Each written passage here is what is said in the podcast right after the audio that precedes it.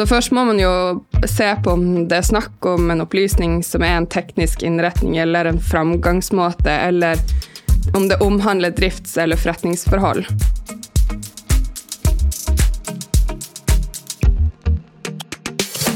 Hjertelig velkommen til ny episode av Anskaffelsespodden. Anskaffelsespodden er en podkast fra advokatfirmaet Simonsen Fuktvik, hvor vi tar for oss aktuelle anskaffelsesrettslige tema for å gi deg som lytter en faglig oppdatering innenfor offentlige anskaffelser. I denne episoden av Anskaffelsespodden skal vi se nærmere på innsynsbegjæringer i offentlige anskaffelser. Og med meg i dag har jeg min kollega Guro. Velkommen, Guro. Tusen takk. Kan ikke du begynne med å gi en eh, kort introduksjon av deg selv? Ja. Jeg er jo ganske ny i Simonsen Faktvik. Jeg kom eh, etter nyttår. Um, og da har jeg arbeida som advokat innenfor offentlige anskaffelser i noen år. Og så har jeg vært noen år før det i, eh, i FLO, i Forsvaret, Forsvarets logistikkorganisasjon, hvor jeg gjennomførte offentlige anskaffelser fra A til Å.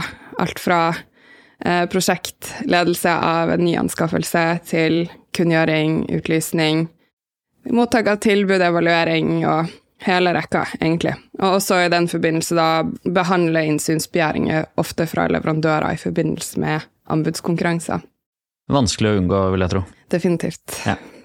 Det høres veldig bra ut. Temaet i dag er jo da innsyn, og vi skal snakke litt om hvilke utfordringer eh, innsynsbegjæringer medfører, både for oppdragsgivere som får disse, eh, og for leverandører som ønsker å få innsyn. Eh, og så er det også sånn at noen leverandører blir jo da bedt om å sladde eget tilbud når man får en innsynsbegjæring skal vi se litt på ny rettspraksis og litt om klager og håndtering av dette. Men sånn helt innledningsvis, kan ikke du begynne med å si bare helt kort om hvor vi finner disse reglene om innsyn i offentlige anskaffelser, Guro? Ja, de reglene finner vi primært i anskaffelsesforskriften, og herunder spesielt paragraf 7-3, hvor det står at allmennhet, for allmennhetens innsyn i dokumenter knytta til en offentlig anskaffelse, så gjelder offentliglova. Og så eh, vil det for oppdragsgivere som ikke er omfattet av offentliglova, eh, også være adgang til å få innsyn etter nærmere regler. Da er det offentliglova man må se på, og de på en måte ja, alminnelig kjente reglene da, egentlig som gjelder for innsyn for offentlige virksomheter. Mm. Og etter offentliglova så er det jo Det vil jo være da paragraf tre i offentliglova som er utgangspunktet, og etter den bestemmelsen så vil jo de fleste dokumenter og saksdokumenter som kommer inn til et offentlig organ, være underlagt en, en innsynsrett. Som et utgangspunkt. Ikke sant. Så, og det vil jo da også gjelde tilbud i en offentlig anskaffelse, for det blir jo da dokumenter som, som kommer inn? Ja. Mm. Så det er utgangspunktet. Man har rett på innsyn i saksdokumenter. Ja. Men så er det jo noen unntak fra det her, da? Det er det, og um, de unntakene framkommer jo også av offentligloven, men også det framgår det jo at det er taushetsplikt i anskaffelsesforskriften for, eh, etter forvaltningsloven. Men det står altså det, Man kan egentlig velge litt hvordan vei man vil gå, men i offentliglovens paragraf 13 så så framgår det jo at man ikke har innsyn i taushetsbelagt informasjon. Så der er jo på en måte hovedunntaket, i tillegg til at det også framgår av anskaffelsesforskriften i seg sjøl. Nettopp. Mm. Um, og så er det jo noen egne regler også i offentleglova om anskaffelser uh, i paragraf 23. Ja, det er også et, et, unntak, egentlig, fra hovedregelen i paragraf 3 om innsynsrett. Um, og da er jo det for tilbud og protokoller, da, som, uh, som kan unntas fram til valg av leverandør er gjort. Ikke sant. Og, og det er vel ganske sånn praktisk viktig, egentlig, da, fordi man, uh, hvis man kunne fått innsyn i konkurrentens tilbud før uh, konkurransen er avsluttet, så kunne jo det kanskje vært litt problematisk, selv om man har det unntaket for forretningshemmeligheter? Definitivt. Det er jo en grei unntaksbestemmelse. Mm. Og så står det jo også i Så kan vi jo gå egentlig til forvaltningslovens paragraf 13 også, som er en veldig Den er jo henvist til direkte fra anskaffelsesforskriften, egentlig, at forvaltningslovens uh, taushetsregler gjelder. Um, i offentlige anskaffelser. Og da er det jo egentlig denne bestemmelsen om forretningshemmeligheter som man finner i 13.1 nummer 2, som omhandler unntak fra innsyn i forretningshemmeligheter, som er veldig praktisk eh, viktig innen offentlige anskaffelser.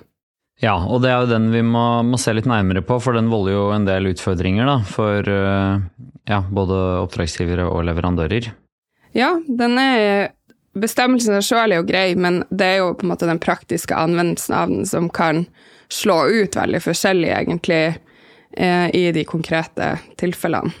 Kan vi si noe sånn helt overordnet kort om, om hva, hva, er egentlig forretningshemmeligheter, eh, eh, sånn i grove trekk, da? Ja, altså ordlyden i bestemmelsen er jo eh, at man har unntak fra innsyn i tekniske innretninger og fremgangsmåter samt drift eller forretningsforhold som det vil være av konkurransemessig betydning å hemmeligholde av hensyn til den opplysningen angår. Så det er jo flere elementer i den bestemmelsen om, som må vurderes når man skal se på hva som er en forretningshemmelighet. Så først må man jo se på om det er snakk om en opplysning som er en teknisk innretning eller en framgangsmåte, eller om det omhandler drifts- eller forretningsforhold. Så det er jo på en måte steg én. Mm. Er det snakk om en sånn type opplysning? Og det vil det vel kanskje ofte være i et tilbud hvor man eh, ja, enten beskriver eh, selskapet sitt, tilbyr ja. en bestemt løsning eller ja. leverer noen CV-er?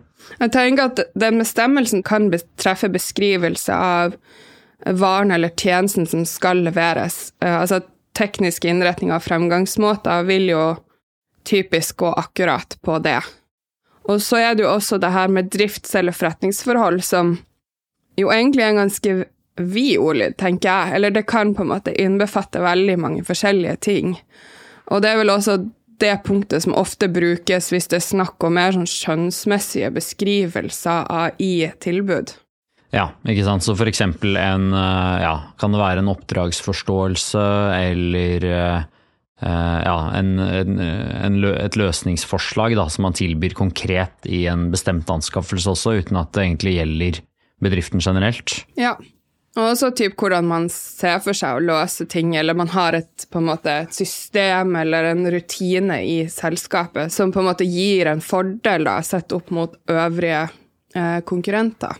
Ja, ikke sant? For, og da kommer vi videre til det neste vilkåret, da, at det skal være konkurransemessig betydning å hemmeligholde det av ja. hensyn til den det gjelder. Ja, og det punktet syns jo jeg personlig er relativt vanskelig, egentlig, mm. fordi hva, hva på en måte ligger i det, og hvordan skal man eventuelt finne ut om det faktisk er Det er jo på en måte liksom, kan jo være et hypotetisk eh, spørsmål.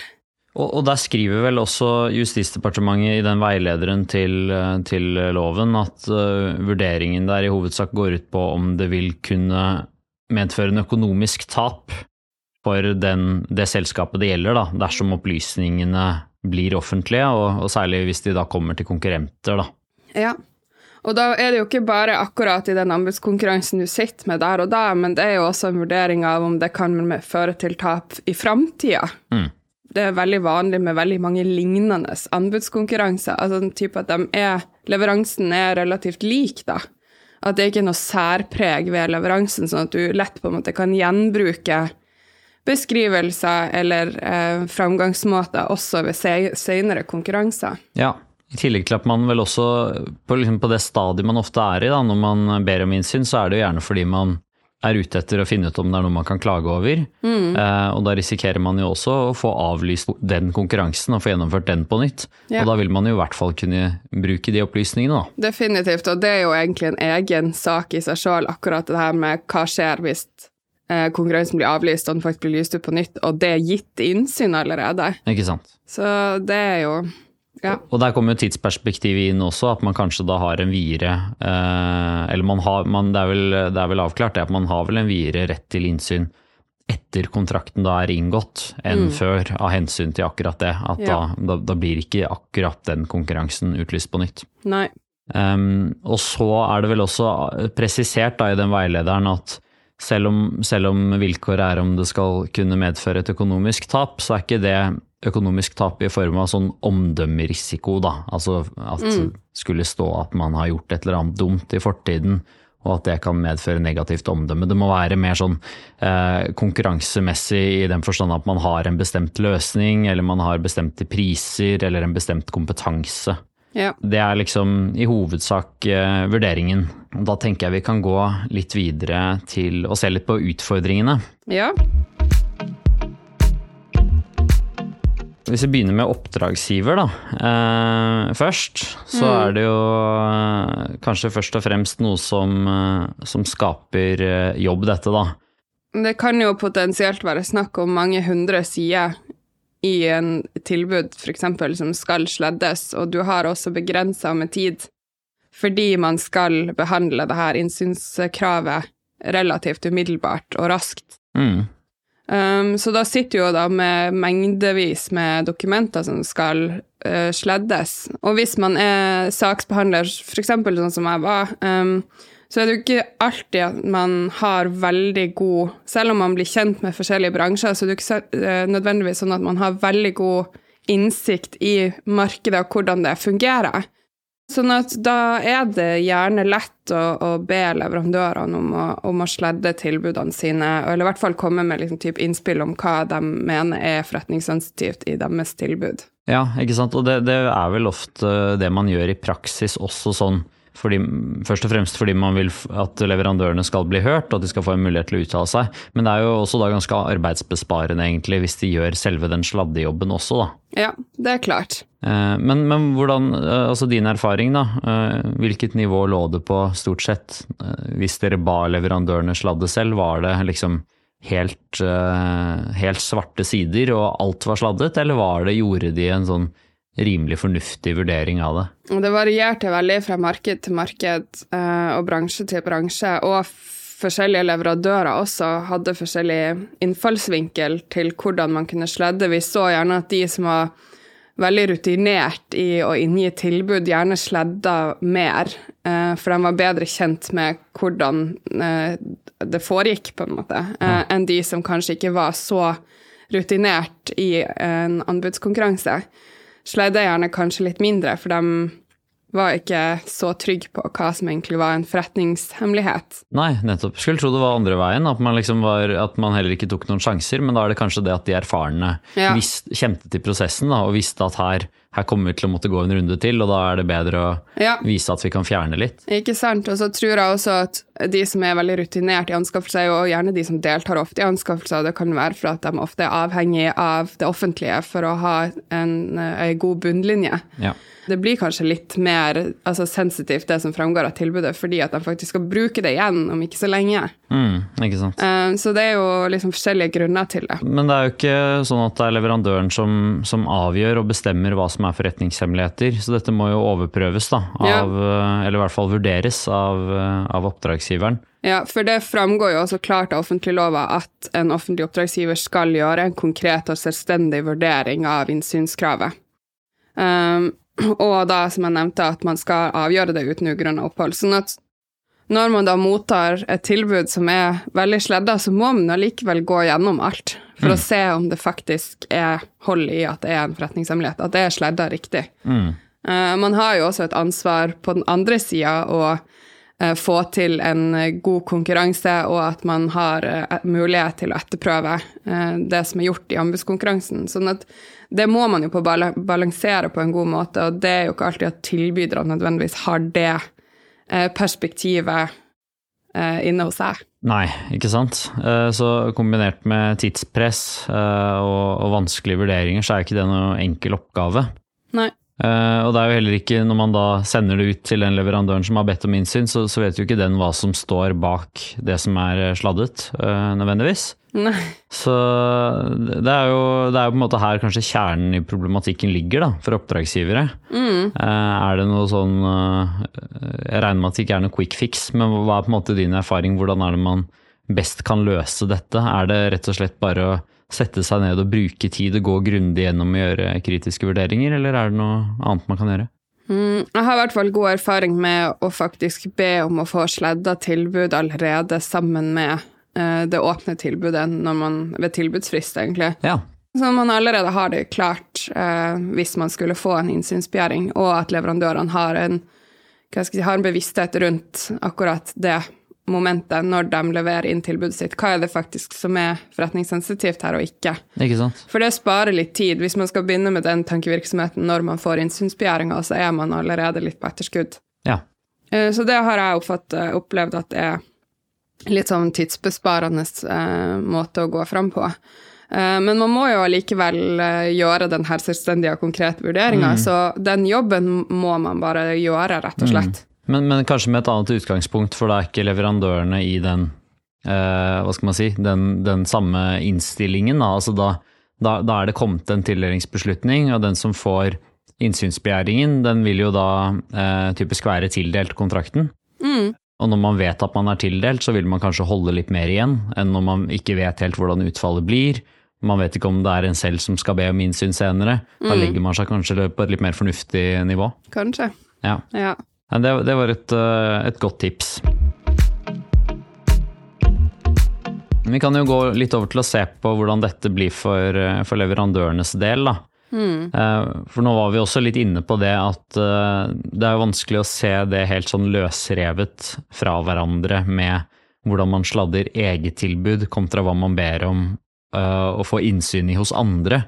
Altså leverer man et helt, helt svart tilbud selv når man blir bedt om å sladde, så er det vanskelig å bli hørt med at man skal få masse innsyn i andre leverandørers tilbud. Ja, jeg har jo vært på begge sider av uh, en sånn her type uh, problemstilling, og uh, det, er ikke, det er ikke veldig enkelt nødvendigvis, fordi at det er viktig å få den her etterprøvbarheten som man jo, man jo har et krav om i henhold til anskaffelsesloven, så det er på en måte en balansegang.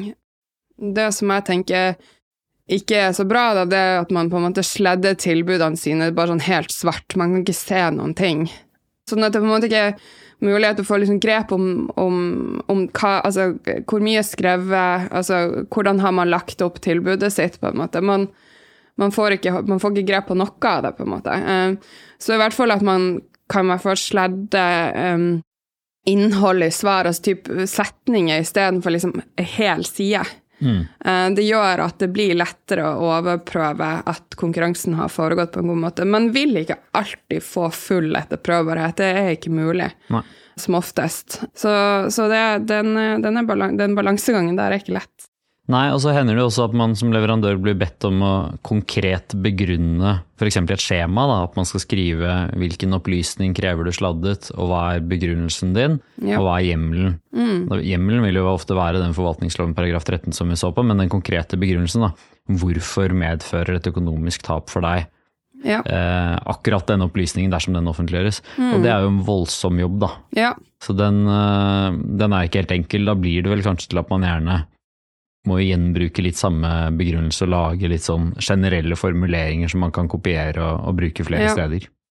Jeg tenker man må jo til en viss grad også være effektiv. Så det kommer jo litt an på situasjonen man står i også. Ikke, noe, ikke hva som er en forretningshemmelighet, men i hva slags grad man skal begrunne at noe er sledda, og hvor mye tid man skal bruke på det. Så får man et tilbud, og det er mer sledda enn det man eh, skulle ønske, så kan man jo stille spørsmål, og det, eh, det er jo også på en måte gangen i eh, det her med innsynsbegjæring, at du, du ber om innsyn, du får, eh, du får et sledda tilbud eh, som du har bedt om innsyn i. Og så eh, tenker man at det her, hvis man ser på sitt eget tilbud, da, hvis man er leverandør, så, så, så vil ikke vi ha sledda i denne graden. Nei. Men, eller man burde i hvert fall stille seg selv spørsmålet ville vi ha sledda like mye. Og så kanskje gå i seg sjøl litt at hvis man innser at man faktisk ville ha sledda i like stor grad, så er det ikke sikkert at det nødvendigvis er noe å etterfølge. Nei, Fordi at man skjønner at det muligens er faktisk forretningshemmeligheter som er sledda. Men hvis man ser at det sledda i mye større grad enn det man tenker er naturlig, så er det jo greit å spørre om en begrunnelse for hvorfor det er sledda i den grad det er. Ikke sant. Og det, det har man jo også rett på, da. Definitivt, ja. Uh, og så um, er det jo da egentlig den begrunnelsen man får, som man bare må se på om holder vann. Man må jo på en måte bare ha en dialog med oppdragsgiver hvis man ser at man ikke er enig i den sleddinga som er gjort. Og eventuelt klage, hvis man ikke Og eventuelt klage, ja, for det blir jo på en måte det steget etter det. Men jeg tenker at det er greit å i hvert fall ha en dialog ikke sant, på det, eh, for å prøve å holde konfliktnivået så lavt som mulig. Mm, ikke sant. Vi skal jo komme litt tilbake til det etterpå, hvordan man kan um, klage og eventuelt uh, si presse gjennom da, mer innsyn dersom man ikke får det. Mm. Men før det så tenkte jeg vi kunne se litt på uh, en dom som er kommet fra EU-domstolen for ikke så veldig lenge siden.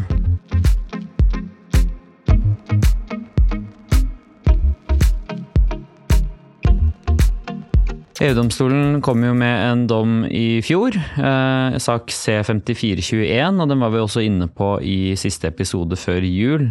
Den, eh, den gjaldt jo en polsk anskaffelse hvor det var gitt innsyn i noen konkurrenters tilbud, og da, da ble det jo stilt spørsmål da, til EU-domstolen som bl.a. gikk på forholdet mellom de grunnleggende prinsippene i direktivet, og, og hvordan direktivet også krever beskyttelse av fortrolige opplysninger. Um, og så har vi jo hatt dette tradisjonelle standpunktet da, i Norge at man Det er som vi sa i stad, at man har um, et unntak for forretningshemmeligheter, men at man da har fått innsyn i alt annet som ikke er forretningshemmeligheter. Men nå kan jo dette kanskje se ut til å, å være litt annerledes, uh, i hvert fall etter EU-retten, da. Det er ikke, kanskje ikke like enkelt uh, lenger etter denne dommen, Guro?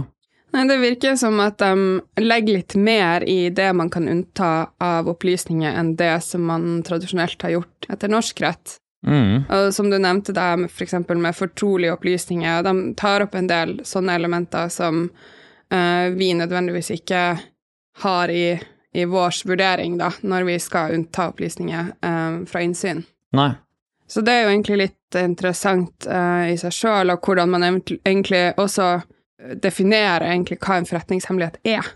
Så jeg tenker at de perspektivene der er litt interessante å se på. Ja. Om det er noen forskjeller mellom norsk rett og EU-retten på hva som er en forretningshemmelighet, i hva slags grad man på en måte skal strekke det noe utover kjernen av det som er en forretningshemmelighet, altså f.eks. For fortrolige opplysninger. Mm. Det skal jo sies at vi har taushetsplikt for eh, ikke bare forretningshemmeligheter, men flere andre typer opplysninger, f.eks. knytta til sikkerhet, nasjonal sikkerhet, eh, som jo kanskje ikke er så veldig vanlig eh, for en oppdragsgiver å måtte ta stilling til, men definitivt det skjer jo eh, fordi at man har eh, kritisk infrastruktur og mange andre typer ting som trenger eh, leveranse av varer og tjenester. Um, så Ja. Det, så det blir jo det første spørsmålet. Da. Hva er det egentlig som ligger i dette kravet i direktivet om å beskytte de fortrolige opplysningene, og hvordan er det sammenlignet med den norske regelen om forretningshemmeligheter? Eh, for det er jo det er vel vist til da særlig opplysninger som er nødvendig å, å beskytte av hensyn til allmennhetens interesse, markedsdeltakeres rettslige forretningsinteresser eller rettferdig konkurranse mellom markedsdeltakerne. Og da, disse tingene her vil jo ofte være en del av den forretningshemmelighetsvurderingen. Da. Rettferdig konkurranse mellom markedsdeltakere. Men det er noe med hvordan EU-domstolen uttaler uh, forholdet mellom forretningshemmeligheter og fortrolige opplysninger som gjør at når de sier at, man, at det ikke nødvendigvis er det samme, så kan man ikke heller legge det til grunn eh, etter norsk rett, kanskje. Så dette er ikke, er ikke så enkelt lenger. Nei. Jeg syns også dommen gir noen gode eh, innspill på akkurat den her balanseringa mellom, eh, mellom prinsippene om etterprøvbarhet og gjennomsiktighet som de bruker i EU-retten, og, eh, og, akkurat det her med eh, å faktisk tilbakeholde forretningshemmeligheter. Altså den balansegangen mellom de to tingene, og hvordan man på en måte eventuelt kan løse det. Ja. Så det syns jeg også den dommen eh, gir noen gode innspill på. Ja, nettopp. Da, for da er det jo det med at man ikke bare, sånn som jeg leser det i hvert fall, man kan ikke bare forholde seg til det tilbyderne selv sier. Man, eh, som oppdragsgiver så må man vurdere selv hva, hva er det egentlig um, som står her, og, og hvilken grad har dette krav på beskyttelse.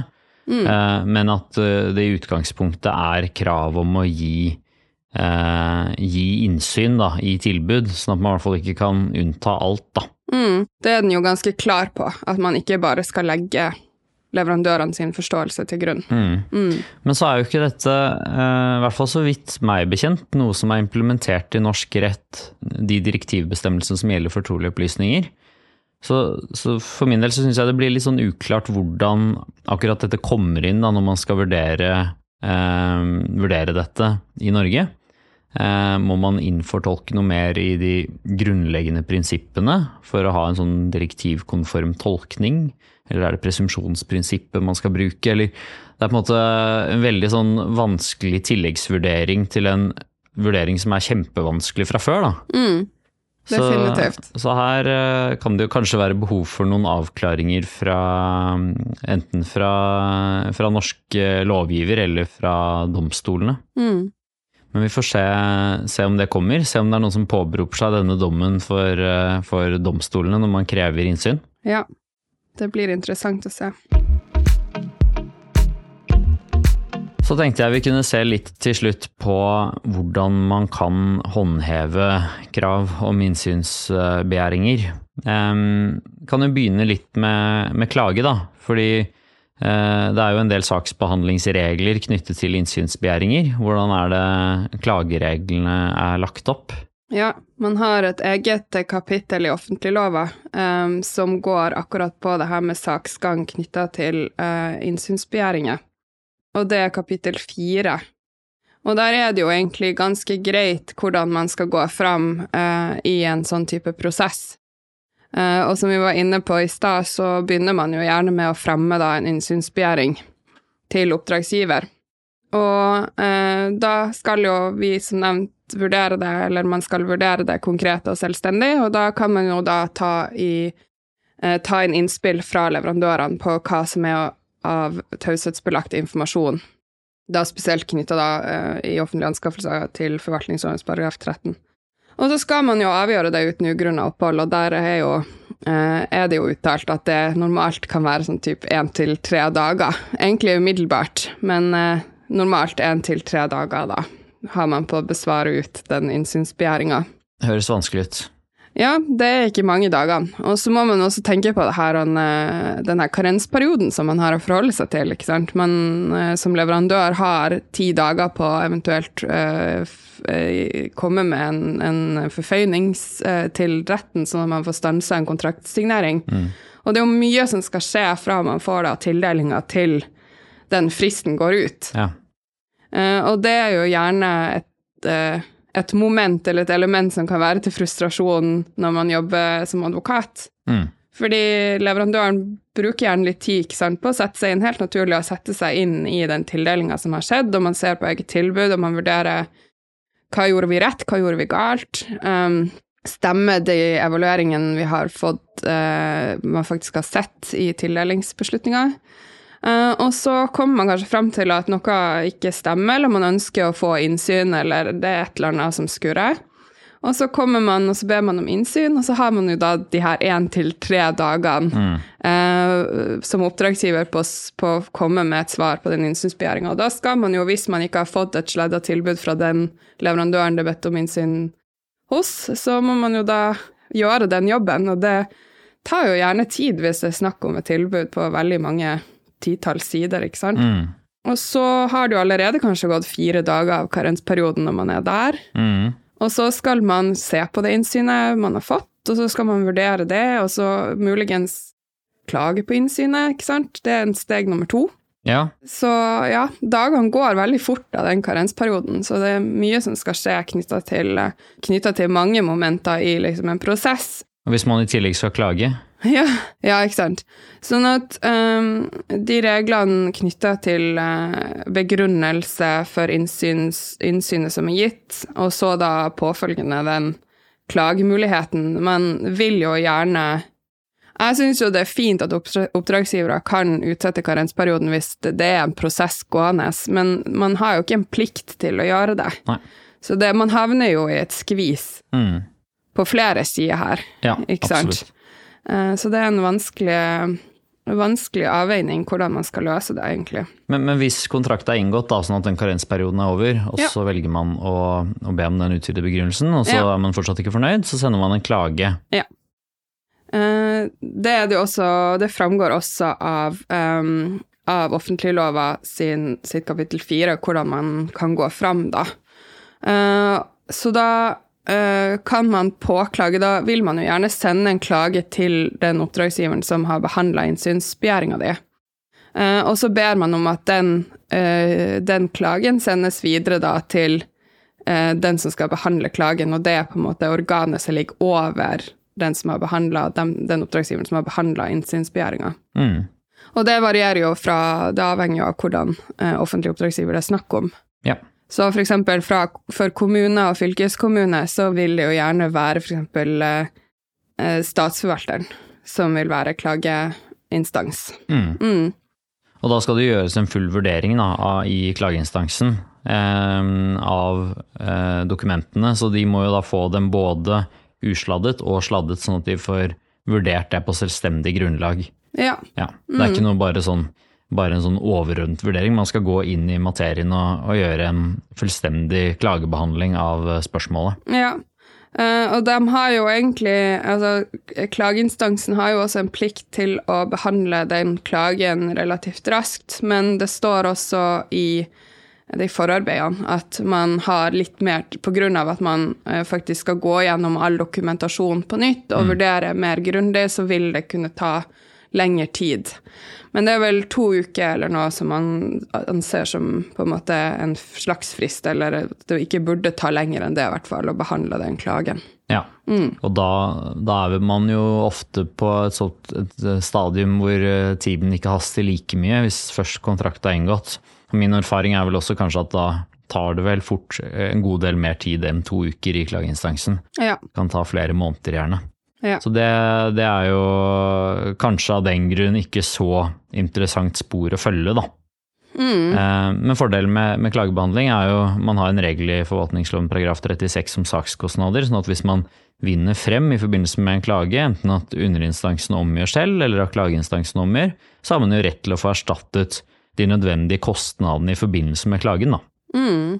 Så det er jo viktig å ha med seg både for leverandører som, som trenger å bruke advokat eller andre kostnader man pådrar seg, eh, og oppdragsgivere. Da. At man må gjøre en, en grundig vurdering fordi man, man risikerer å bli holdt erstatningsansvarlig for de kostnadene som, som en klagesak medfører. ja. Mm. Um, og så er det jo uh, hender det at man går til retten. Um, man er ikke alltid uh, fornøyd med utfallet av en offentlig anskaffelse. Hvordan er det med, med innsyn da? Uh, det er jo sånne bevistilgangsregler i tvisteloven. Ja, det er riktig. Um, Taushetsplikten innebærer uh, jo et alminnelig bevisforbud. Sånn at det er jo på en måte skranken også for retten. Um, man kan på en måte ikke gi, uavhengig av om man går til retten, så kan man på en måte ikke få innsyn i det som faktisk er taushetsbelagt informasjon. Etter den samme bestemmelsen, egentlig. Forvaltningsloven fortsatt. Ja, nettopp. Mm. Sånn at hvis, hvis formålet er å på en måte prøve å få innsyn i taushetsbelagt informasjon, så vil man på en måte ikke heller etter, altså ved en rettergang få innsyn i sånne type opplysninger. Nei. Eh, men man vil jo få kunne overprøvd eh, hva som er en forretningshemmelighet Mm. Av retten. Mm. Og så er det jo en del andre opplysninger som, som man kan risikere å få avslag på innsynsbegjæringen i, altså organinterne dokumenter, eh, evalueringsmatriser, eh, Notater notater. som er gjort Ja. sant, i forbindelse med evalueringa. Og der er det jo ikke en sånn tilsvarende unntaksbestemmelse i tvisteloven for eh, den type dokumenter, da, sånn som det er i offentlig, eh, offentligloven. sånn at der kan man jo da få innsyn i de dokumentene så lenge det er bevisverdi i saken. Mm. Så det, men det er jo dyrt da, å gå til retten bare for å få innsyn i de dokumentene. Definitivt. Ja. da, da er det jo et spørsmål som man kanskje burde stille seg eh, som oppdragsgiver, om man likevel skal gi innsyn i den type dokumenter, eh, altså in, også interne dokumenter, på et tidligere stadium, eh, for å unngå at saken eskalerer unødvendig mye. Ja. Og så lenge man ikke har noe å skjule, så det, kan jo det kanskje være greit. Definitivt. Mhm. Og så helt til slutt eh, KOFA, da. Hvilken eh, rolle har de i forbindelse med innsynsbegjæringer? Kan man gå dit med hvis man er misfornøyd med det innsynet man har fått? Ja, KOFA skal jo egentlig overprøve om anskaffelsesregelverket er fulgt. Um, så en ren eh, klage på en innsynsbegjæring vil nok ikke være hensiktsmessig å løfte for KOFA. Eh, men hvis man har spørsmål knytta til om etterprøvbarheten f.eks. er overholdt i etteranskaffelsesloven, så eh, vil jo KOFA i hvert fall kunne se på om det prinsippet er overholdt av oppdragsgiver. Ja, ikke sant. Og da kan man jo se det i sammenheng med begrunnelsen som er gitt også, da. For det er jo gjerne der man får ivaretatt det etterprøvbarhetsprinsippet. Ja, så de fleste KOFA-sakene på det området går jo på om begrunnelsesplikten er overholdt. Helt til slutt, Guro, har du noen tips eh, til hva man kan gjøre for å avhjelpe de praktiske utfordringene som innsynssaker gir? Vi har jo gått gjennom ganske mye allerede i denne podkasten, men eh, nettopp det her med å kanskje ha en klar tanke rundt det her med hva som er taushetsbelagt informasjon eller forretningshemmeligheter, eh, før, før man kommer til den innsynsbegjæringa, kan være greit. At mm. man f.eks. ber om å få sledda tilbud Eh, når man eh, ved tilbudsfrist allerede. Mm. Og så kan jo jeg også komme med en sånn helt eh, innstendig tips til slutt. og det, det, går jo på at Når man da først skal sladde tilbudene, så må man sørge for å sladde ordentlig. At man ikke bare markerer med svart i Word og så sender det ut som PDF, for da kan man bare kopiere ut teksten som ligger bak der. Så bruk ordentlig sladdeverktøy, både som leverandør og oppdragsgiver, når du skal sende fra deg sladdede dokumenter. Da runder vi av denne episoden og takker for oss. Eh, tusen takk til deg, Guro, for at du ville være med. Tusen takk for at jeg fikk være med. Og tusen takk til våre lyttere. Jeg minner om å følge Anskaffelsespodden enten på Spotify eller Apple Podkast for å få med deg de siste episodene. Har du spørsmål til Anskaffelsespodden eller temaforslag, så kan du gjerne sende oss en e-post til podkast at svw.no. Da ønsker vi deg velkommen til neste episode. Ha det bra! Ha det bra!